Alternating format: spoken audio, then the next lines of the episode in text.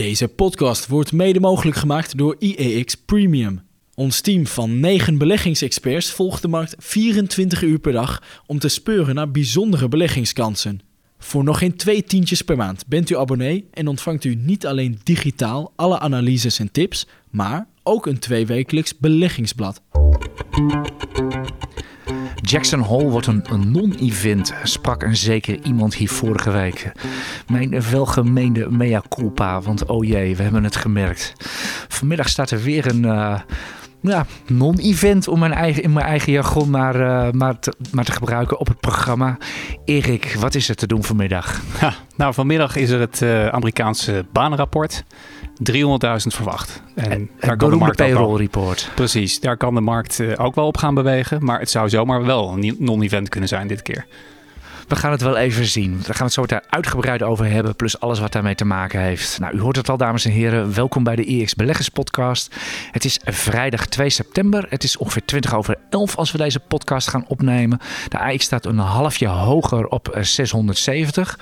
Dat hebben we deze week eerder gezien. In de ochtend omhoog en dan in de middag. Uh, nou, u hebt de koersen wel gezien deze week. En we gaan het vooral over de brede markt hebben deze week. En wie zijn we? Erik Maurits zit tegenover mij, hoofdbeleggersdesk van IX.nl. Normaal zit hier natuurlijk Niels Koerts. Die zit as we speak in de Tarzanbocht op Zandvoort, toch uh, Erik? Dat Ongeveer, hij daar is? Ja. Ongeveer. Dus uh, we hoeven hem ook niet over te, over te, gaan bellen of wat dan ook. Dat doen we nog wel eens als Niels weg is. Dan bellen we gewoon gezellig met hem in. Maar die zitten natuurlijk in, het, in die rotherrie daar op, uh, op Zandvoort. Dus vandaag, vandaar dat Erik aanschuift. Mijn naam is Aartje Kamp. Ik ben hier iedere week zo ongeveer. Ik ben marktcommentator voor IX.nl. En samen gaan Erik en ik, we gaan de, de markt van deze week uh, doornemen. En uh, nou, ik denk dat we wel ongeveer stof hebben voor een uur of vijf. Want ongelooflijk wat er allemaal gebeurd is. Inderdaad, sinds vorige week Jackson Hole zijn de rapen gewoon gaar op de, op de markt. Toch, Erik? Ja, zo is het. En uh, vorige week was de podcast helaas opgenomen voor Jackson Hole. Nu voor het payroll report. Precies. Dus vandaar dat we ook altijd even die tijd noemen dat we het opnemen. Maar uh, nog even ter herinnering dan. Vorige week bij Jackson Hole sprak Paul maar acht minuutjes. En uh, na die acht minuten voorbij was, moest iedereen het even verteren. Maar ze hadden echt geen enkel duivenachtig woord gehoord. En vervolgens ging de markt hard naar beneden. En dat zien we deze week eigenlijk doorgaan. Ik begreep er eerlijk gezegd niet zoveel van. Uh, ik hoorde ik hoorde niks nieuws van, van Jerome Powell. Jij wel, Erik? Ja, toch wel. Bij zijn vorige uitspraken was er altijd nog wel iets, een soort duivenveertje waar de markt zich kon, kon optrekken. Maar dit keer zei hij echt heel helder: we gaan inflatie bestrijden. Er komt pijn. En als er pijn komt, dan gaan we toch door. Als er inflatie bedoelt, nog hoog is. bedoelt hij dan met pijn? Economische pijn. Met andere woorden, hij wil doorgaan met de rente verhogen tot inflatie op de gewenste niveau zijn. Zelfs als dat leidt tot uh, werkeloosheid. Meer of uh, een economische pijn. En ook dalende beurzen. En ook dalende beurzen. Dat dit, heeft hij dit nu... is gewoon collateral damage voor de, voor de vet in zo'n geval. Zo, zo lijkt het nu in ieder geval wel. Ja. En, en de, de markt uh, had de laatste maanden een beetje de hoop dat het misschien allemaal wel zou meevallen. Maar nu was het in één keer terug op aarde. Het wordt gewoon hogere rentes en pijn op, op aandelenbeurzen. Dus dat, dat was eigenlijk het nieuwe aan die speech. Gewoon van, nou je zegt het, ik vond het een mooi term eigenlijk, duivenveertje. Nou ja, en kijk, in, in zekere zin heeft hij dat eigenlijk de laatste maanden altijd al gezegd. Maar de, de ja, markt, vandaar ook mijn opmerking. Precies. Van wat zei hij nou voor nieuws? Ja. Maar de markt, traditioneel met een roze bril, vond altijd wel iets waardoor je kon zeggen... nou, misschien wordt de soep toch niet zo heet gegeten. Maar nu was het echt overduidelijk. En ook de ECB, normaal wat, wat trager dan de rest, kwam zaterdag meteen eroverheen met... wij gaan het ook doen, want het is echt nodig. Ja, onze, onze bankpresident Klaas Knot was, was er meteen al uh, die zaterdag geloof ik dat hij dat meteen ja, zei. en Snabel en uh, die willen ook allemaal drie kwartjes. Ja, had dat misschien ook te maken met hè, de dollar ging natuurlijk rallyen op die, uh, op, op, op, die uitspraken van Paul, de euro omlaag. Was het ook een beetje redden wat het te redden valt voor die bankpresidenten? Ja, om dat voor, meteen voor, al te roepen. Precies, in Europa hebben we natuurlijk extra last nog eens een keertje van die sterkere dollar, waardoor de inflatie nog hoger is. Dus voor de ECB is het heel belangrijk dat die markt niet denkt dat wij heel lang wachten met verdere renteverhoging, want anders gaat die euro-dollar nog lager mogelijk. Dus die willen er snel bij zijn. Oké, voordat we naar het uh, payroll report gaan, dat is eigenlijk wel heel erg belangrijk om te melden, want het is natuurlijk het tweede mandaat van de Fed. Hè? We, we, weten natuurlijk van de, van de ECB, die hebben maar één mandaat, dat is een inflatiedoelstelling van 2%. Die heeft de Federal Reserve ook, maar die zijn ook verantwoordelijk, dat, tenminste dat is ook echt hun mandaat, voor volledige werkgelegenheid, zeg ik dat zo goed of, of zo optimaal maximale, mogelijk werk, maximale ja. Dat is echt het wettelijke ja. mandaat ook van de, van de Federal Reserve. Ja, grappig genoeg lijkt het soms andersom, alsof de ECB daar meer rekening mee houdt dan de de Fed. Uh, maar goed, de Fed heeft ook meer ruimte op dit moment, omdat die werkgelegenheid daar zoveel sterker is. En daarom is dat banenrapport ja, vanmiddag belangrijk. Ja, te sterk zelfs. Hebben we een overspannen arbeidsmarkt. Nou ja, precies. En dan krijgen we nu weer de gekke situatie dat goed nieuws slecht nieuws kan zijn. Dus als die banen heel goed zijn, dan betekent het eigenlijk dat de Fed genoeg ruimte heeft om die rente verder te verhogen. Dus dat is eigenlijk slecht nieuws. Ja, dat, dus dat, was, ja, dat was, was, van de week leuk te zien. Aan, uh, woensdag was dat aan het ADP arbeidsmarktrapport. Iedere uh, eerste woensdag van de maand komt de ADP, de bekende salarisstrookverwerker. Die komen altijd met hun eigen cijfers van de, van de private sector in de VS. Dat cijfer was, uh, er werd 250.000 verwacht, er werden, waren 125.000. Heel slecht nieuws eigenlijk en de markt juichte. Ja. dus dat is altijd weer het... Ja, dat is altijd wat de markt zo vreemd, voor, zeker voor buitenstaanders, niet zo ervaren mensen, van ja, inderdaad, om de beurs ook maar tot een gekkenhuis te verklaren. Maar er zit uiteindelijk altijd wel enige ratio achter. Nou goed, we hebben het al even uitgebreid over de, over de, de Federal Reserve gehad. Uh, wat gaan we allemaal doen deze, deze podcast? We gaan het wat minder over aandelen hebben vandaag, omdat het ja, het gaat, het gaat op, de brede markt met dikke hout. En dan heeft het echt heel weinig zin om het over individuele aandelen te hebben. Die gaan gewoon met de grote meuten mee. Dus daar valt weinig zinnigs van te zeggen. Er zijn ook geen cijfers meer. Het cijferseizoen is opgedroogd. Dus we kunnen het even uitgebreid hebben Erik is daar echt wel specialist in. In rente en de centrale banken kunnen we het daar wat uitgebreider over hebben. We gaan het natuurlijk over energie hebben. We gaan het over rentes hebben die heel hard omhoog gaan. We gaan het over dollar hebben die zo sterk is of de rest zo zwak. We moeten het zeker, u bent u natuurlijk gisteren ook helemaal wild geschrokken van het cijfer van 13,6%. Inflatie moeten we het hebben. Energie. En dan waren er ook nog inkoopmanagers indices deze week. De duiders van het economische momentum. En die wijzen zeker in Europa toch echt richting recessie. Daar gaan we alles over zeggen. Uh, volgende week is er ook een rentebesluit in Frankfurt. De ECB gaat met niet drie kwartjes. drie kwartjes verhogen. Daar gaat Erik dus zo alles over vertellen. Uh, we gaan het hebben over de chippers. Dat moet zeker, want er was deze week liefst twee keer groot chipnieuws. En daar reageerden onze chippers ook op. Daar gaan we, daar moeten we het zeker over hebben. Hal Boskalis, tot onze stomme verbazing. Ja, wat dat betreft uh, nou ja. een tweede mea culpa. Hal kwam zomaar met een extra eurotje op de proppen deze week. Die zagen wij niet aankomen. Waar wij het ook over gaan hebben, en dat is echt een heel erg leuk onderwerp. Porsche wordt naar de beurs gebracht door VW. Daar zijn nog heel veel vraagtekens bij. Maar wij hebben een ideale oplossing voor iedereen die graag aandelen Porsche wil hebben en daaraan mee wil doen. Het duurt al vijf minuten voordat je klaar bent met vertellen wat we gaan vertellen deze week. ja, kun je, na, kun je, na, kun je een lange uitzending worden. ja, wil jij het anders even overnemen? kan ik even naar de wc en koffie halen? En, uh, nee hoor, we hebben, we hebben uiteraard nog, uh, nog een aantal luisteraarsvragen. Het gaan we een beetje anders doen, want die gaat onze derde man hier aan tafel, Koen Grutters, die de podcast opneemt. En dat we allemaal straks weer heel mooi netjes knipt en masseert. Uh, die gaat ze oplezen om het nog neutraler te maken. En uh, wij zijn zeer uh, gespannen waarmee je gaat komen zo, Koen. we nemen deze podcast zoals altijd op op Beursplein 5. Ja, dat vertellen wij er iedere week bij, want daar zijn we, wij vinden het gewoon leuk om hier te werken. We zijn er trots op en vandaar dat we het ook vertellen. En volgens mij heb ik alle, alle huishoudelijke mededelingen wel gehad. Dus uh, zullen met de drie kwartjes van uh, mevrouw Lagarde gaan beginnen? Weet ze het zelf al? Want we hebben Klaas Knot gehoord, mevrouw Snabel, dat is de Duitse bankpresidente. We hebben nog een paar Duitse namen gehoord over uh, alsjeblieft drie kwartjes. Ja. Maar mevrouw Lagarde heb ik nog niet gehoord. Lagarde nog niet gehoord, maar er is altijd een kans dat het minder wordt. Maar het lijkt wel heel waarschijnlijk dat het drie kwartjes worden. Uh, je noemde al even kort inflatie, maar eigenlijk alle cijfers geven de haviken binnen de ECB het grote gelijk als ze om drie kwartjes vragen. Dus het lijkt zeer waarschijnlijk dat dat gaat gebeuren. En op wat voor rente komen we dan uit als die drie kwartjes te zijn? Ja, dat is een goede. We zaten uh, vorige ja, want we hebben twee rentetarieven natuurlijk eigenlijk. Ja, hè, bij de Volgens mij de 1,5, de andere drie kwartjes. Uh, dus we zitten in ieder geval eindelijk weer in positief terrein.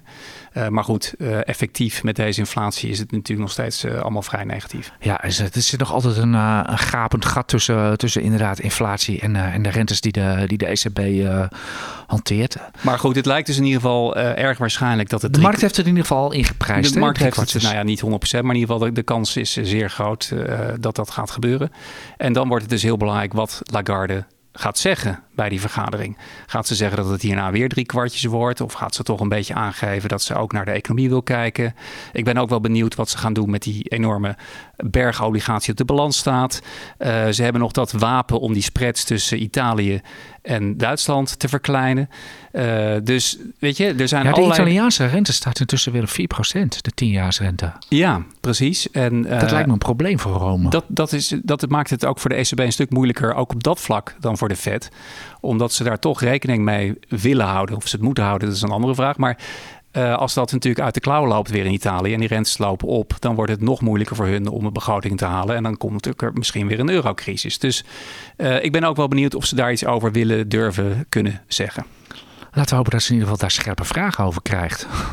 Nou, die zullen ze zeker krijgen. Maar daar, daar krijg je natuurlijk altijd een beetje weer een non-antwoord op. Maar uh, er zijn natuurlijk genoeg mensen die het daar niet mee eens zijn. Uh, aan de andere kant, je wil ook niet weer een eurocrisis. Dus het is een, een moeilijk dilemma voor de ECB. Dus, uh, waar ga jij vanuit als ik je even stiekem mag vragen? Drie kwartjes. Drie kwartjes. Ja. En, en daarna? Het is nou, zes weken later, altijd, om de zes weken staan altijd de rentebesluit. Ja, precies. Nou, er is een switch gemaakt. Dus je had altijd uh, dat, dat die centrale banken een beetje aangaven wat ze, wat ze gingen doen. Nou, dat doen ze eigenlijk niet meer. Ze zeggen, we, ons beleid passen we aan op, aan de hand van de inkomende data. Dus wat ze over zes weken gaan doen, dat zal Lagarde waarschijnlijk ook zeggen, hangt af van de data. Dus als in de tussentijd die inflatie nog steeds hoog blijft of groeit, et cetera, dan is de kans groter dat ze weer een grote renteverhoging doen en vice versa. Oké. Is het intussen een kansje dat we piekinflatie hebben gezien? Want, ik, nou, uh, want, de, want de ene, ja, verbaas u of niet, maar de energieprijzen zijn deze week afgekomen. En ook de grondstoffenprijzen komen af. Ja, en dat zijn natuurlijk de belangrijkste aanjagers, uh, aanjagers van inflatie. En uh, misschien speel ik advocaat van de duivel, maar volgens mij komt dat door het gewoon de al oude, simpele economische wetmatigheid. Als, er, als de economie minder groeit, zelfs helemaal als er een recessie komt, is er gewoon minder energie nodig, minder vraag, nou ja, prijs. precies. Dat is natuurlijk een, een dempend effect. En dat is ook, de olieprijs. Dat is ook de reden dat, uh, dat ze de rente verhogen om die economie toch een beetje af te laten koelen, waardoor we minder energie nodig hebben, waardoor de inflatie omlaag gaat. Maar ik vind het nog iets te vroeg met een winter voor de deur. En Rusland die te pas en te onpas de Nord Stream 1 uh, eh, de kraan dichtdraait. Op, zogenaamd op onderhoud. Om, om nu uh, te, te, te twee weken onderhoud zo ongeveer. om te durven voorspellen dat, er, um, dat het piek inflatie uh, hebben gehad. En ook Nagel van, van de Duitse Centrale Bank. Die heeft deze week gewaarschuwd dat de inflatie in Duitsland misschien wel naar de double digit kan gaan. Voor het eerst sinds, ik geloof, 1951. Is dat niet een mooi Duits woord voor, voor double digit?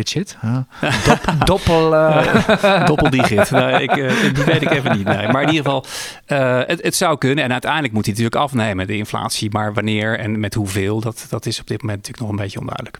Ja, ja het was wel, was wel grappig. Ik, ik, ik had eerder deze week weer de, de enquête van Corné van Zijl uh, in, te, in te vullen.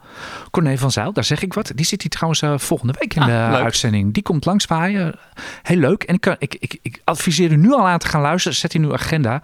Want we gaan met Corné praten over iets waar hij nog nooit naar gevraagd is. En u weet het, hij loopt al sinds weet ik van hoe lang mee, decennia. Aandelen. En, waar hij het, nee, en, waar hij, en wat hij het leukste vindt om over te praten. En uh, gaat u echt even volgende week luisteren? Ik hoop wel beursgerelateerd. Zeker, oh, is okay. dat zeker is dat beursgerelateerd. Ja, ik zou niet weten waar ik met Corné anders over zou moeten praten. Dus uh, nee, geintje. Maar in ieder geval, dat, dat gaat denk ik... ik nou, hoort het aan mijn stem? Ik verheug me er nu al op. Dat gaat een hele leuke uitzending, uh, worden. Waar waren we gebleven, Erik? Uh, Als we bij Corné van Zijl uitkomen, dan energie, moet het wel... vet, ECB. ja, we waren, we waren bij die, die, die ECB gebleven, die economie, et cetera. Nou ja, en, en wat hier um, wellicht een brugje naar het volgende onderwerp, wat hier natuurlijk mee samenhangt, is, uh, is de euro. En de euro versus de dollar. Um, die nog steeds rond pariteit handelt. En eerst omlaag ging, toen weer wat omhoog. Dat is natuurlijk ook een, een indicator van, van alles wat er nu op dit moment gebeurt. Vooral recessie, et cetera. Die ECB die behind the curve is. Uh, maar de euro is natuurlijk niet de enige. Want het is vooral de dollar die sterk is, toch? Want de yen die daalt nog veel harder. De Japanse yen die daalt nog veel harder dan de euro. we weten, de Japanse centrale bank die weet helemaal wat met geld smijten is. Het Britse pond uh, ziet ook heel erg bleek. De Chinese yuan heeft ook betere tijden gekend. eigenlijk is de enige munt die beter doet dan de dollar... is, uh, ja, het zal u niet verbazen, de Zwitserse frank. Ja, nou ja, kijk, er zijn natuurlijk twee als je kijkt naar de euro-dollar. Enerzijds is de dollar inderdaad sterk. De rente is daar nog steeds hoger en blijft waarschijnlijk voorlopig een stuk hoger, waardoor het relatief aantrekkelijker is. Uh, het is een safe haven, de economie staat er beter voor. In Europa, aan de andere kant, hebben we grotere problemen door die energietekorten en hoge prijzen. We hebben een zwakkere economie en iedereen vreest van een recessie, wat over het algemeen slecht is voor je munt. Dus het is eigenlijk een combinatie van een sterke dollar en een zwakke euro. En hoe moet je, dan eigenlijk, hoe moet je nou eigenlijk rekenen als belegger? De AX staat nou, uit mijn hoofd nu even zo'n 13% lager ongeveer dit jaar. Moet je daar ook nog die 11% eh, eurodaling bij optellen? Nee, want zolang je leeft in eh, euroland en uh, geld uitgeeft in euro's, ja, dit wordt wel met 10% inflatie een stuk minder, maar uh, is dat verder natuurlijk niet voor jou uh, van belang. Het is op zich voor ons wel gunstig dat je beleggingen in Amerika relatief meer zijn waard geworden, omdat die dollar sterker is geworden. Dus dat is eigenlijk ja, voor Amerikanen die eens een keer Europese aandelen hadden gekocht, bijvoorbeeld die nieuwsgierig waren geworden naar ASML en daar eens een plukje van hebben gekocht, ja, die kijken aardig op hun neus nu. Ja, precies. Ja, en, precies en, en zij hebben natuurlijk weer, weer, een ander probleem. Die sterke dollar is voor hun vervelend voor hun eh, exportkracht. Uh, dus het, het, heeft allebei voor- en nadelen. Um, maar op dit moment is het meerderheid van de uitstaande posities die speculeren op een stijging of een daling van de euro-dollarprijs, is nog steeds, gaat ervan uit dat de euro nog steeds zwakker kan worden. Dus nou, gevoelsmatig denk je misschien pariteitsbereik, nu kan het wel weer omhoog. Maar de meerderheid van de handelaren, de actieve handelaren, die denken nog steeds dat de euro zwakker kan worden. Oké, dan ga ik toch weer even terug naar de, de brede markt. Eh, de, deze week uh, de rapen gaar. September is begonnen. Je hebt het natuurlijk al lang gezien. Ook als u mij volgt, maar stukjes leest of wat dan ook. September is statistisch gezien de, de slechtste beursmaand die er is. Er is een trackrecord sinds 1896, de Dow Jones. En september uh, staat statistisch op min 1,0 procent. De enige maand van het jaar die echt over al die tijd gemiddeld een verlies heeft opgeleverd. Ja. Moeten we daar nou bang van worden? Ja, zeg het al, het is nou ja, statistisch ik zou niet van die statistiek bang worden. En uh, als het een beetje mee zit, hebben we die 1% al uh, na vandaag ja, uh, al gehad. Dus misschien kunnen we daarna weer, weer omhoog. Maar nee, ja, het is duidelijk dat er, dat er meerdere redenen zijn om even wat minder enthousiast te zijn over aandelen. Dus het, het, zou toch wel eens een vervelende september kunnen worden. Ja, en even, even, heb jij al je nieuwe energierekening gehad? Of hoe kijk Nou, daar doe ik de, de struisvogelpolitiek. Dus ik, ik kijk daar gewoon niet naar. maar ik, jij, kijkt er gewoon niet naar. ik merk het wel. ik laat me verrassen. nee, maar dat wordt uh, alles, uh, alle gekheid op een stokje. Dat wordt natuurlijk heel vervelend voor heel veel mensen deze winter. Die energierekening die enorm nou, omhoog Volgens mij zelfs een regelrechte ramp, denk nou, dat kan, ja, ja, precies. Dat kan voor heel veel mensen echt wel een, een, ramp worden. Waar we nu nog, omdat het nog niet aan de hand is, nog even niet realiseren hoe erg dat wordt. Maar dat gaat heel veel invloed hebben en is een van de redenen waarom het niet onwaarschijnlijk is dat er een recessie aankomt. Ja. Misschien, misschien kunnen luisteraars mij helpen. Ik, ik weet het zelf nog niet. Uh, ik heb nog geen nieuwe maandvoorstel of, of weet ik van wat. Maar mijn vrouw regelt altijd dit soort dingen. Maar wij betalen 85 eh, euro per maand. We zitten bij Val. We betalen gewoon altijd iedere maand de harde prijs. Misschien dat iemand een sommetje van mij kan maken wat ik moet gaan betalen straks. Nou ja, het ligt eraan. Wil jij met, met 18 graden en twee truien leven? Ah, maar dat deden wij al. Ah, oké. Dus ja. ja. wij kunnen ook niet verder bezuinigen. Want bij ons ging 17 graden, drie truien. nee, dat is niet nodig. Ik geloof, ik dat verschil wel. Ja, voor mij is het ook niet, niet zo'n heel erg groot probleem. Maar het is inderdaad, ik ga wel een paar honderd euro per maand minder te besteden hebben. Wat niet naar de horeca gaat, wat niet naar uh, mijn hobby's gaat. Uh, ja, nou, noem het allemaal nee, wel Wat ook niet naar de Albert Heijn gaat. En, nee, uh, nou ja, je ziet al een, een, shift van Albert Heijn naar de Lidl en de Aldi. Maar ook inderdaad de, de prijzen van brood, alles, alles gaat omhoog. En dat merk je nu echt. En dat, wordt, dat kan nou wel inderdaad wel ik, ik, heb, ik heb erover nagedacht, maar als u als, als luisteraar het beter weet of u weet namen of wat dan ook. Maar ik kan niet echt direct aandelen verzinnen. Zeker niet een Damrak die hier echt vol door geraakt gaan worden. Jij wel? Nou ja, je zou simplistisch gezien kunnen zeggen dat als het echt zo doorgaat, dat Ahold natuurlijk toch wel wat. Ja, maar wat die halen omzet het gros van hun omzet in, eh, in Amerika. Dat is waar. Dus, ja, Eh, maar goed, daar is ook eh, hoge inflatie. ja, dat, ja, dat is dus, wel waar. Dus uiteindelijk zou de supermarkt, maar, maar in hoeverre ze dat kunnen doorrekenen of niet. maar goed, de duurdere supermarkten krijgen misschien wel een, een klein probleempje. Maar of dat echt leidt tot enorme Ja, koersverschuivingen, dat. Dat, dat scheelt dan weer wel met andere duurdere merken. En daar gaan we zo meteen natuurlijk ook nog over hebben. Eh, met, eh, met on- onder meer de beursgang van Porsche. Want het is eh, onder meer om die, die reden natuurlijk. De chippers, die hadden we al gehad. Hè? Moeten we dan voor de vragen nog even half Boskalis doen? Of zullen we eerst de luistervragen doen? Wat jij wil. laten we dan nog maar even half Boskalis doen. Nou ja, eh, met een euro van 32 naar 33. Vorige week zeiden we in de podcast nog van nou, al een beetje kennende gaat er niks bij komen. Er is toch een euro bijgekomen. Ja, dat was niet de sterkste podcast uit qua voorspellingen. Nee, maar maar- eh, Daarom voorspel, ik, daarom voorspel ik ook nooit koersen, beurzen of wat Ja, dan ook. Nee, het maar gaat altijd de- meteen de- fout. De, de, de topman van eh Boskalis, Berdowski, of hoe je het ook uitspreekt, die, die vond het ook te laag door oorspronkelijk bod. En die Kapitein zei ook Peter van, heet hij. we hebben er echt alles aan gedaan om ze op andere gedachten te brengen. Nou, dat was hem niet gelukt. Maar eh, nou, deze week een euro erbij. Dus hij zei meteen, nou goed, nu vind ik het mooi. en eh, een aantal andere aandeelhouders waren ook eh, tevreden. Maar goed, bij, bij IX vinden we nog steeds dat het te laag is en dat 1 euro te weinig is en geen eh, eigenlijk recht doet aan, aan de potentie en kracht van Boskalis. Dus de, de vraag is. Nee, die, wat dat betreft maakt die euro die Hal zo even bijschuift, maakt dat wel duidelijk. Dat, ja. Ja, nee, precies. Nou, de hal is natuurlijk legendarisch eh, zuinig. En ze zitten op een enorme berg met cash die ze eigenlijk moeten besteden. Omdat die rente natuurlijk zo laag is of zelfs negatief. Maar eh, ja, wij vinden eigenlijk dat er wel meer in zou moeten zitten dan 1 euro. Ja.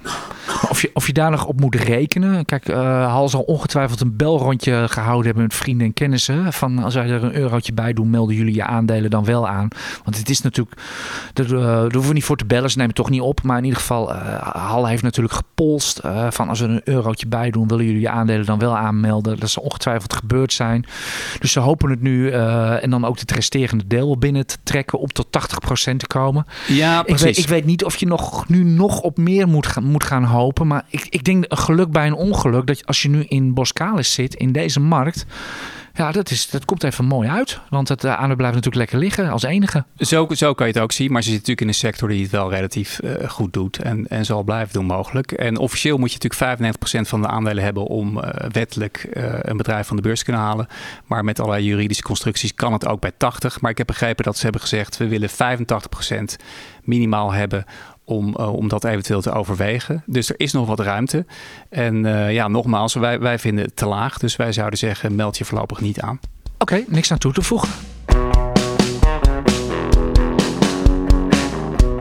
Gaan we nu naar de lezersvragen en dan doen we dit keer maar een beetje anders. Het is veel beter als jij ze even opleest, Koen. Dus bij deze nemen we deze, hij is toch aanwezig, nemen we deze schone taak van Niels gewoon even bruut uit zijn handen. Ja, wat een eer dat ik, uh, dat ik Niels mag vervangen. Maak er wat moois van. Ja, we beginnen bij Erik, uh, want ik kwam een vraag binnen van Krup. Um, Krup? Die, Krup, ja, misschien wel Familie van onze, onze analist Martin Krum? Of, nou, uh... Krup en Krum. Nee. Hij vraagt: is het slechte sentiment een koopkans? Goeie, maar moeilijke vraag. Kijk, op zich is het, uh, als het sentiment heel slecht is, is het wel een moment om te kopen. Het hangt een beetje ook van je termijn van je horizon af. Lange termijn denk ik nog steeds dat aandelen de beste kans bieden, ook in deze tijden van inflatie, om uh, rendement te halen. Maar korte termijn uh, ja, zie ik toch nog wel mogelijkheid dat die beurs nog wat lager gaat. Maar jij volgens, ja, volgens jou is toch elke, elke maand een koopkans of niet? Nou ja, ik koop iedere maand de markt omdat ik gewoon niet weet welke kant uh, de markt uit gaat. En ook geen enkele moeite doe om, uh, om te voorspellen of wat dan ook. Nou, u hebt al aan deze uitzending uh, gehoord dat ik mezelf, mezelf op deze manier heel erg goed tegen mezelf bescherm. Um, het, is, het is wat mij betreft uh, niet, niet eens zo heel erg moeilijk. Op korte termijn valt er nooit wat zinnigs over, over te zeggen. Ik denk ook, ik verwacht nog altijd dat de winsten omlaag gaan van de bedrijven. Hoewel de analisten nog altijd niet. Ik heb vandaag nog gekeken. Het is de grote verbazing voor mij op dit moment in de markt.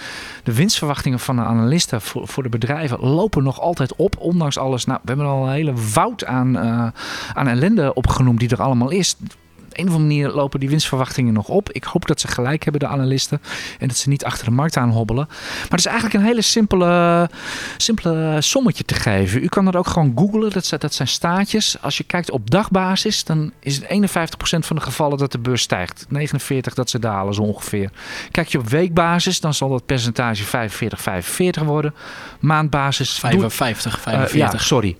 Eh, ik doe het even uit mijn hoofd. Eh, op maandbasis 60, 40. Op, op jaarbasis 65, 35. Tienjaarsbasis 75, 25. En dan vanaf 20 jaar is het gewoon echt 99,9 procent. Dus op hele lange termijn is, zijn aandelen inderdaad een no-brainer. Wat ze de komende tijd gaan doen, dat mag u, dat mag u aan uw cavia vragen. Of aan een goeroe of, of wie dan ook. Er valt geen zinnig woord over te zeggen. Niemand heeft die waarheid in pacht. Wat wel zo is, is dat alle mooie beurslijntjes beginnen in bear markets. Nou ja, ik, ik wil er toch nog aan toevoegen dat je natuurlijk op lange termijn eh, aandelen moet hebben. En het is in zekere zin onvoorspelbaar, maar toch kan je bij ook dit soort markten, bij heel erg dalingen en juist omdat het scheef zit, op individuele basis toch aandelen eruit selecteren die relatief koopwaardig zijn. En dat is natuurlijk wat we bij premium proberen. Eh, dus er is altijd wel toch, eh, het biedt altijd wel een kans, dit soort markten. Helder. AJ, voor jou, van Karel Vinders. Hij heeft het over flow traders, want flow traders was altijd een soort hedge eh, ten tijde van onrustige beurzen, eh, zoals eigenlijk de afgelopen weken waren. Ehm, maar het verbaast hem dan ook dat flow traders niet profiteert van de huidige onrust en volatiliteit en meegaat met die dalende koersen.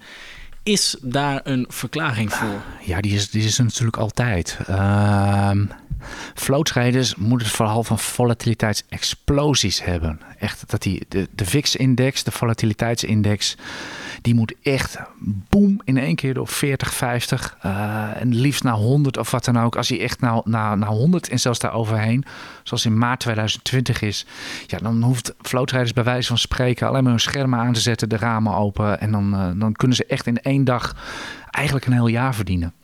Maar het is nu een beetje sudderen. De volatiliteit is weliswaar hoog, 2025, et Maar niet heel hoog. Dat Maar is niet heel. Dus hoog. de markt gaat omlaag op een relatief lage volatiliteit. Terwijl normaal gesproken die volatiliteit hoger is. Ja, en dat, is ook het, dat vind ik zelf ook het vervelende aan deze, deze bear market. Hij duurt sinds 18 november vorig jaar. Dus het is echt al 9,5 maanden is het bear market. Hè, want echt die mooie rally deze zomer. eh, daar is het afgelopen week echt met bruut geweld een eind aan gemaakt. Maar we staan nog maar 20% lager.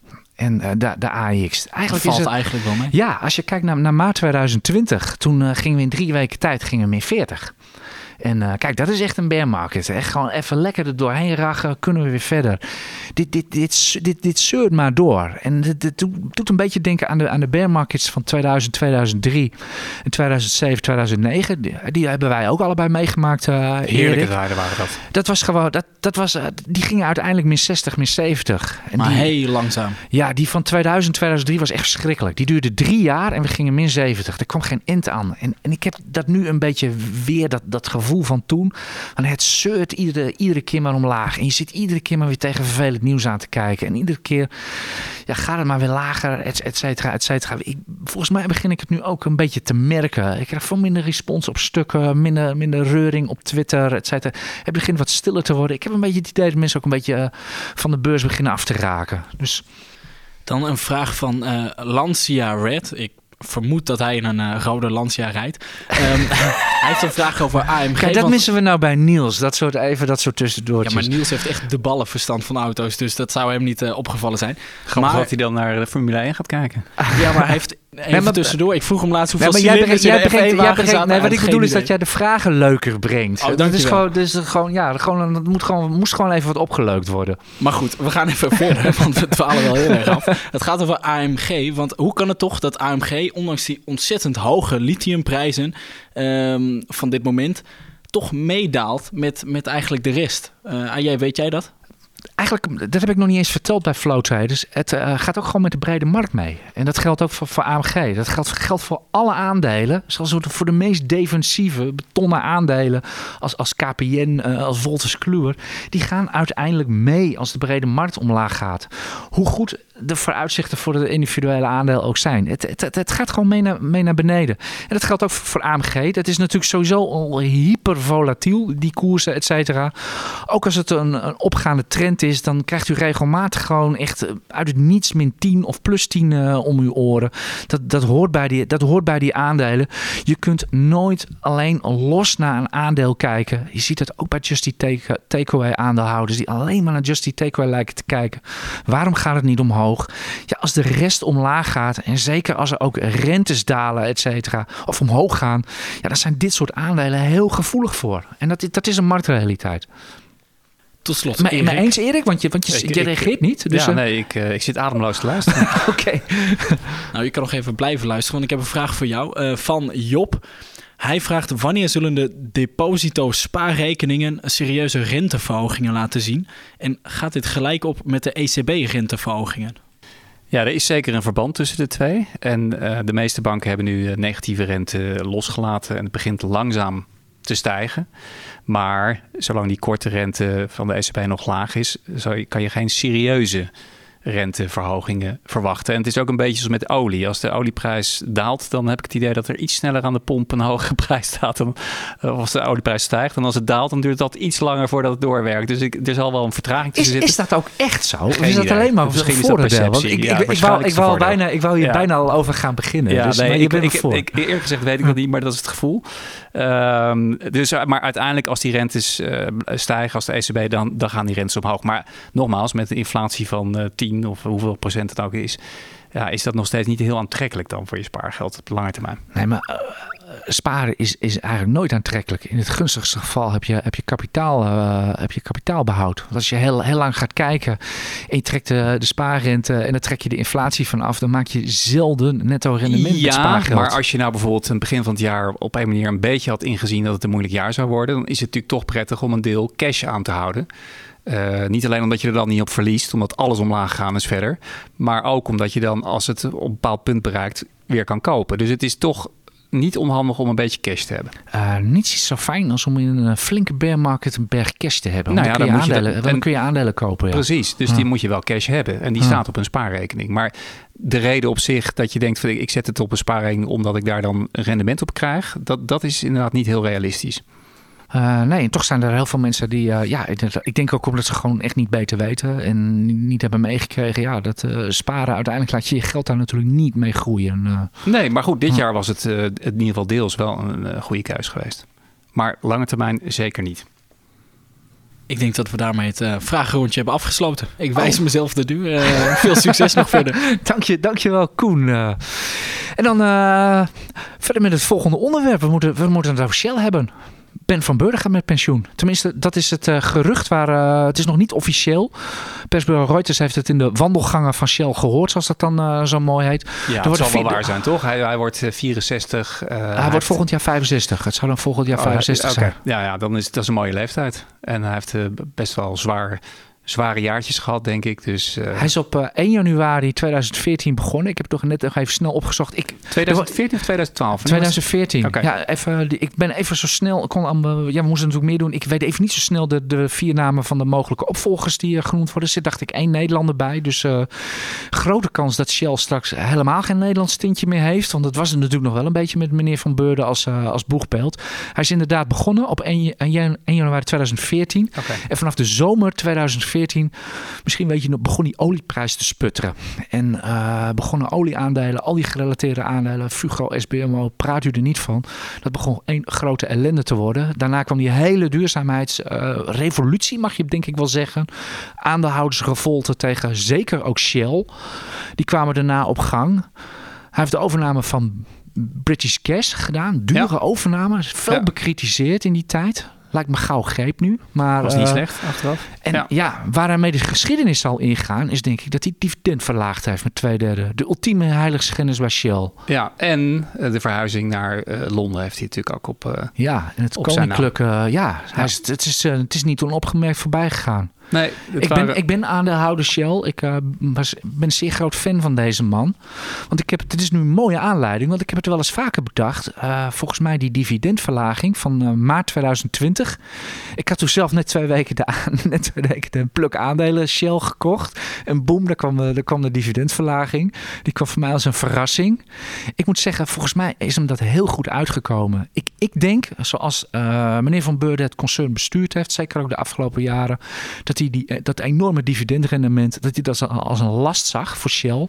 Dat hij vond dat het concern veel flexibeler moest zijn in, in haar keuzes om uh, inderdaad te investeren. Al dan niet in, uh, in duurzaam, in groen, schulden afbetalen, aandelen inkoop. Zeker met die hypervolatiele olieprijs altijd. Om het een lager dividendrendement uh, of minder dividend, zodat hij veel flexibeler is. Nou, Wat denk geeft jij? de mogelijkheid inderdaad om het een keer een jaar niet te doen of minder. Dat is absoluut waar. Maar het is voor aandeelhouders natuurlijk minder aantrekkelijk. Want als je als, als clockwork elk jaar uh, x dividend krijgt, dan, ja, dan ben je natuurlijk wel een, een, veiliger aandeel dan als het elk jaar anders kan zijn. Dus het heeft ook een, een, een, nadeel. Ja, je kunt er ook nog afvragen of het terecht was, die dividendverlaging. Want bijvoorbeeld Chevron, Exxon en Total Energies hebben het niet gedaan. BP wel, dacht ik. En, uh, maar dat, dat is wel het meest drastische. Ja, op dat moment leek het, uh, leek het wat mij betreft terecht. Uh, en was het een begrijpelijke keuze, laten we het zo zeggen. Ja. Maar daar zal hij zeker de, de geschiedenisboeken mee, uh, mee ingaan. Ik weet eigenlijk niet wat de AX versus Shell heeft gedaan in de periode dat hij er was. De laatste tien jaar heeft Shell het wel slechter nou, gedaan dan ja, AX. De, de, ik, ik, ik, kan, ik, ik, kan, ik kan straks even zo'n grafiekje uitdraaien uh, met herbelegd dividenden. Dan zie je het in, de oogbeslag. Ik weet zeker dat het een underperformance is. Maar per saldo wordt het denk ik gezien als, uh, als een goede leider in, in deze tijden. En volgens mij zijn die opvolgers ook allemaal mensen die min of meer op dezelfde lijn zitten als hij. Met andere woorden, er is, is niet te verwachten dat er een soort drastische wijziging van zijn strategie komt. Uh, wat ook een teken is dat het merendeel vindt dat hij het goed gedaan heeft. Uh, ja, en wat dat betreft, uh, het rekenwerk van Shell is uh, altijd is wereldberoemd onder analisten, heb ik altijd begrepen. Ik heb, ben tenminste nog nooit eentje tegengekomen die zei van, nou ze rommelen maar wat aan. Nee. Bij jou, heb jij, heb, jou, heb jij er ooit, nou, jij bent nooit analist geweest, hè? Echt, nee. Nee, nee, nee, zeker niet van Shell. Nee, nee, nee, Vroeger had je analisten die deden echt alleen maar Shell, hè? Ja. Ja. Echt, die zat, die zat gewoon een hele werkweek alleen maar naar Shell te kijken. En ook die, hadden de, die, ook die konden de koers niet voorspellen en zaten, zaten altijd scheef. Nee, nogmaals, ik, ik ben zelf als aandeelhouder uh, ben ik zeer enthousiast over, over, over deze man. Gewoon omdat hij gewoon alle ballen hoog houdt. Hij houdt met alle belangen houdt hij rekening.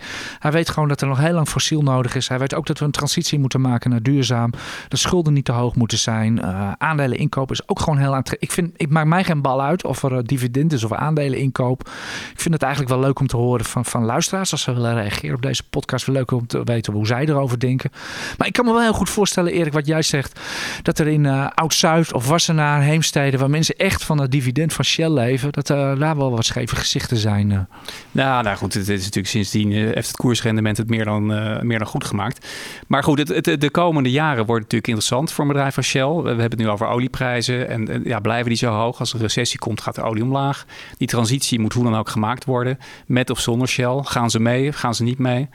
Uh, dus het, het, het, uh, het is wel een interessant uh, aandeel. Ja, ik, ik hou in ieder geval mijn aandelen. Ik ga ervan uit dat Shell gewoon op deze voeten doorgaat.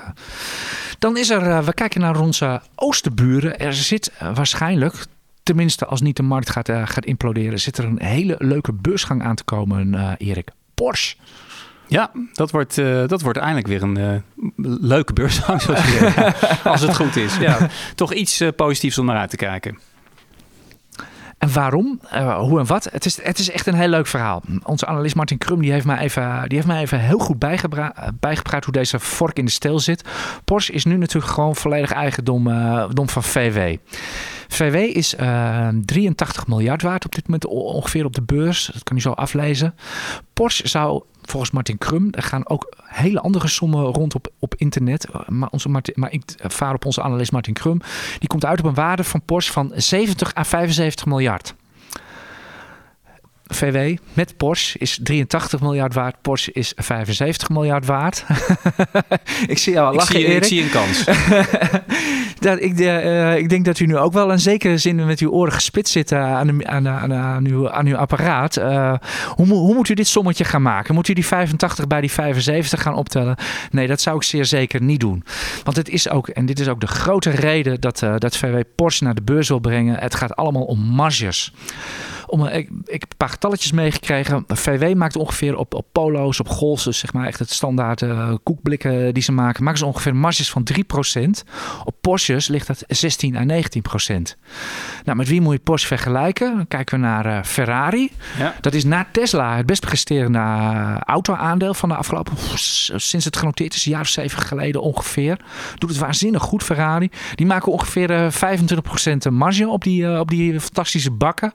En is er nog een uh, eh, VW-onderdeel, Audi. VW heeft overigens ook nog Seat. Ze hebben eh, ook nog die Tsjechen, uh, Skoda. Er zitten ongelooflijk veel merken in. Audi maken ze ongeveer 10 à 12 procent. Dus ja, dit geeft gewoon aan van dat, dat het VW... Die marges zijn gewoon goed bij Porsche. Ja, en, en VW die kijken ook aan tegen een, een koers-winstverhouding van, van echt, echt een handvol. Dus die, die zitten natuurlijk volop met hoe ze die onderwaardering uit het aandeel gaan halen. En dat proberen ze dus met een beursgang van Porsche. Hoe die beursgang er precies uit gaat zien, het is allemaal nog in nevelen gehuld. Uh, Martin zei tegen mij, hopelijk komen ze volgende week met het bericht en wordt het ook duidelijk wanneer ze dan uiteindelijk Porsche naar de beurs gaan brengen. En dat gaan ze ongeveer 15 à 25 procent van de aandelen gaan naar de beurs brengen. En het gaat heel waarschijnlijk, gaat hij in onderhands gebeuren. Rijnland model, Duitse industriëlen onder elkaar, gewoon aan een paar partijen dat ze die aandelen gaan uitzetten. Maar dan wilt u misschien natuurlijk, eh, u bent misschien uh, klant bij Flatex de Giro of Saxo of wat dan ook, kleine aandeelhouder. U wilt meedoen, hoe doet u dat? Nou, dat kan op een hele simpele manier. Als u echt wilt meedoen, en ik, kijk verder niet zo naar koersen of wat dan ook, uh, dat vindt u even niet van belang op dit moment. U wil gewoon ook straks aandelen Porsche hebben. Koop aandelen VW. Want daar zitten die aandelen Porsche nu nog volledig bij in. En dan hebt u straks twee aandelen voor de prijs van we, twee halen, één betalen. Ja, ja, wat uiteindelijk die twee aan waardes bij elkaar eh, gaan opleveren, dat is natuurlijk de vraag. Want als Porsche uit VW wordt getrokken, wordt VW natuurlijk veel minder waard. Er is een bedrijf wat veel minder marges maakt. En uh, hoewel Porsche natuurlijk maar een klein onderdeel is. Maar toch, dat is, dat is natuurlijk nog de vraag. Maar in ieder geval, als u echt per se verzekerd wil zijn van, uh, van aandelen Porsche, dan moet u aandelen VW kopen. Zo simpel is het. Maar de beursgang is dit jaar. Ik, uh, nou ja, als het beursklimaat veel slechter wordt, is het natuurlijk ook een onaantrekkelijk verhaal. Maar het, het klinkt op het eerste gezicht als een uh, interessante beursgang. Ja, als, als, er, weer, als er weer een oktoberkracht komt, dan die hebben we vaker gehad. Ja, in, tegelijkertijd met het Oktoberfest in Duitsland. Ja, ja. dan, nee, dan kijk, het is natuurlijk altijd onvoorziene omstandigheden. Kan natuurlijk een beursgang altijd ingetrokken worden. We hebben het bij Ahold gezien, wat Bob.com heeft ingetrokken. Hal, daar zijn ze weer. Coolblue brengen ze niet naar de beurs. Ja. Volgens mij was er in China, en daar moeten we het ook nog even over hebben, Erik. Want helaas, moeten, want in China is ook weer het een en ander gaan. Was er ook twee jaar geleden, ja, bijna op de kop af twee jaar geleden, was er een Ant Group, een dochter van, ja. van Alibaba, dat nou de beurs zou gaan. Daar begon En dat werd op het allerlaatste moment, en volgens de pers zelfs door de president Xi Jinping hemzelf, afgeblazen. En de bear market is misschien eigenlijk daar wel begonnen. Wat was het nieuws uit China vandaag? Nou, China is er eigenlijk uh, uh, heel veel nieuws. het gaat natuurlijk niet zo goed met China, laten we dat vooropstellen. Dus de, de, de groei valt tegen, ze hebben een huizencrisis, ze hebben een tech nou, oorlog zou ik haast willen noemen met Amerika. En intern is de overheid ook bezig sinds je, wat jij ja, noemde. Er is ook nog een koude oorlog met Taiwan. Er kwamen van de week werden wat drones afgeschoten zelfs. Nou ja, precies. Dus, dus er is uh, eigenlijk weinig uh, positief nieuws over China. Overigens hebben ze wel deze week aangekondigd dat ze het toe gaan staan dat de Amerikaanse toezichthouder ook in Amerika geliste Chinese bedrijven bezoekt om in de boeken te kijken. Moeten we nog maar kijken of dat echt uh, het geval is. Maar dat zou positief nieuws zijn. Maar verder was er eigenlijk alleen maar slecht nieuws. En vandaag was er weer een uh, nieuwe lockdown. Of, of, deze week aangekondigd in Chengdu, waar 21 miljoen mensen leven. Chengdu, kunt u het aanwijzen op de kaart? Kunt u thuis doen. um, en en nou ja, dat betekent gewoon dat die, dat die groeimotor uh, nog steeds hapert. En dat is slecht nieuws. Wat voor industrie zit er in Chengdu? Weet je dat toevallig? Ja, volgens mij is het ook tech. En, en, uh, maar ik, ik weet het niet exact. Uh, maar ook in Shanghai en Shenzhen waren er weer meer coronagevallen. Voor de goede orde, dat zijn er nog steeds minder dan ongeveer in Amsterdam. Maar ze hebben die zero uh, COVID-policy. Ja, punt uit. Waardoor ja. meteen alles dicht gaat. Het goede nieuws hiervan is wel dat daardoor de vraag naar energie omlaag gaat. Waardoor het weer uh, ja, voor onze inflatieproblemen goed nieuws is.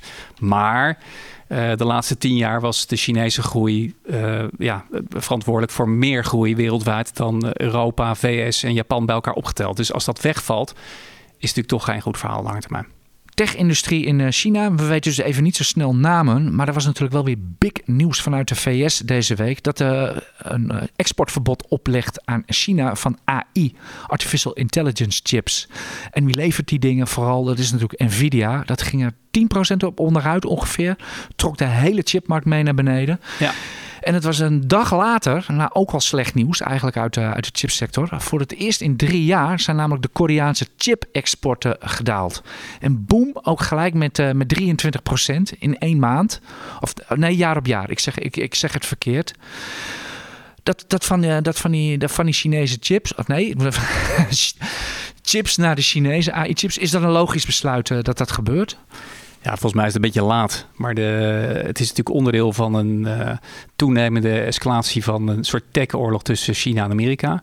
En ze verbieden nu inderdaad chips met een dual purpose. Dus dat zijn chips die zowel voor nou ja, gewoon uh, computers gebruikt worden, maar ook met name in uh, oorlogsindustrie.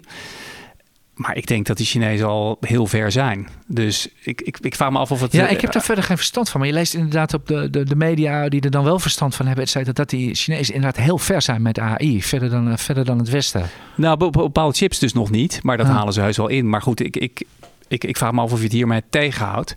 Maar het is natuurlijk een beetje symboolpolitiek. En uh, het heeft in ieder geval wel invloed op die, op die aandelen natuurlijk. Ja, dat was wel, was wel heel frappant. Uh, die Koreaanse exportorders uh, zijn, dus, zijn dus ook vervlieggekelderd. Nou ja, precies. Dat wijst ja. erop op, ook weer op, op het risico van een recessie. Niet ja. alleen in Europa, maar wereldwijd. En, en dat zou natuurlijk de chippers... Ik denk dat we volgende week een mooie lakmoesproef gaan krijgen. Want Apple gaat de iPhone 14 ten doop houden. We gaan zien hoeveel daarvan verkocht worden.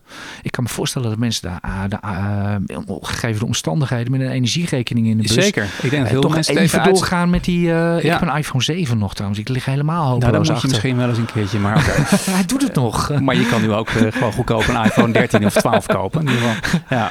Nee, maar goed, die, die, die chippers liggen daardoor uh, weer, weer onder druk door dit slechte nieuws. Wat ik wel frappant vind, misschien kan jij, kan jij duiden. Ik kijk naar onze chippers, die staan sinds een week 7 à 10 procent lager. En dan denk je ASML 7 procent, BC min 10. ASMI er tussendoor, mispoes. Het is precies andersom. Kan jij dat duiden? Nou ja, wellicht heeft het er ook mee te maken dat ASML meer last heeft uh, van, van die escalatie van die tech-oorlog tussen China en de VS. Dus uh, de, de, Amerikanen willen al liever niet dat ASML zijn meest geavanceerde machines verkoopt. Maar die mag dat niet gewoon. Nee, precies. Nee, dus, ze mochten ook al niet aan Hynix leveren, wat een fabriek in China wilde gaan neerzetten. Exact. Dus ja. misschien dat zij daar gevoeliger voor zijn. Maar anders, ja, het scheelt ook weer niet zoveel. En de, de trend is in ieder geval deze week voor alle drie negatief. Ja, en die, die Koreaanse exportorders, uh, ja, uiteindelijk drie jaar niet gedaald. Dat is eigenlijk al vrij uniek voor de chipsector, want die is uiteindelijk gewoon hypercyclisch. En uh, dat gaan we misschien nu weer merken. Ja, exact. En als er dus een recessie aankomt, dan zijn ze daar gevoelig voor. Ja, maar dan, nog steeds, lange termijn, ja, weet je, waar wil je zitten met je geld? Liever in chippers ik dan uh, in Royal Dutch persoonlijk. Als je kijkt naar de... ik heb ze allebei. Om, uh, ja, nou, dan ben je zeker zich Maar ik bedoel, de, de toekomst zal, zal zijn met uh, chips. Laten we, laten we dat voorop stellen. Ja, maar die worden dan nog gewoon op olie gestookt hoor. Uiteindelijk, uiteindelijk niet. Die olie gaat op, chips niet. Dus, maar goed. Dat, dat, maar goed, wat, ja. dat, dat, dat bent u mans genoeg om uw eigen, eigen keuze te maken. Ik, ik, ik ben eigenlijk wel een beetje, een beetje uitgepraat. Ja, we kunnen, we kunnen nog van alles en nog wat erbij. Moeten we nog iets over de rentes zeggen? Wil jij famous last words hebben? Of? Nou, de, de rentes zijn natuurlijk belangrijk, maar uh, volgende week is... Ja, is... oh ja, ja, ja. Oh, ja. Onze oh. rente doet weer... Ja, ja, want wij zijn natuurlijk de 50 voorbij en dan moet je aan obligaties beleggen volgens oldschool uh, beleggingsschoolstijl. Onze rente gaat weer richting 2%. Zit jij alweer aan obligaties te denken? Nee, nog niet. Want de, de trend van de rente is omhoog en dan gaan obligaties omlaag. En zeker tegen een achtergrond van 10% inflatie vind ik dat nog niet aantrekkelijk genoeg. Ik, dus uh, nee, ik zit nog niet uh, in obligaties. Ik uh, sluit mij hier volledig bij aan. Ik, ik denk er ook nog niet aan om te kopen. Ik wil ook eerst andere omstandigheden zien. Ja, dus we wachten nog even. Oké. Okay. Dames en heren, dit was de IX Beleggerspodcast van, uh, van 2 september. Nogmaals, volgende week zijn we er met uh, Corné en Niels weer op het oude nest terug. Erik, ontzettend bedankt dat je hier wilde aanschuiven vandaag in je brede kennis over centrale banken met ons wilde delen. Ik wens u een heel fijn weekend en heel veel succes op de beurs. En uh, ja, uiteindelijk alle mooie lijntjes beginnen in slechte markten.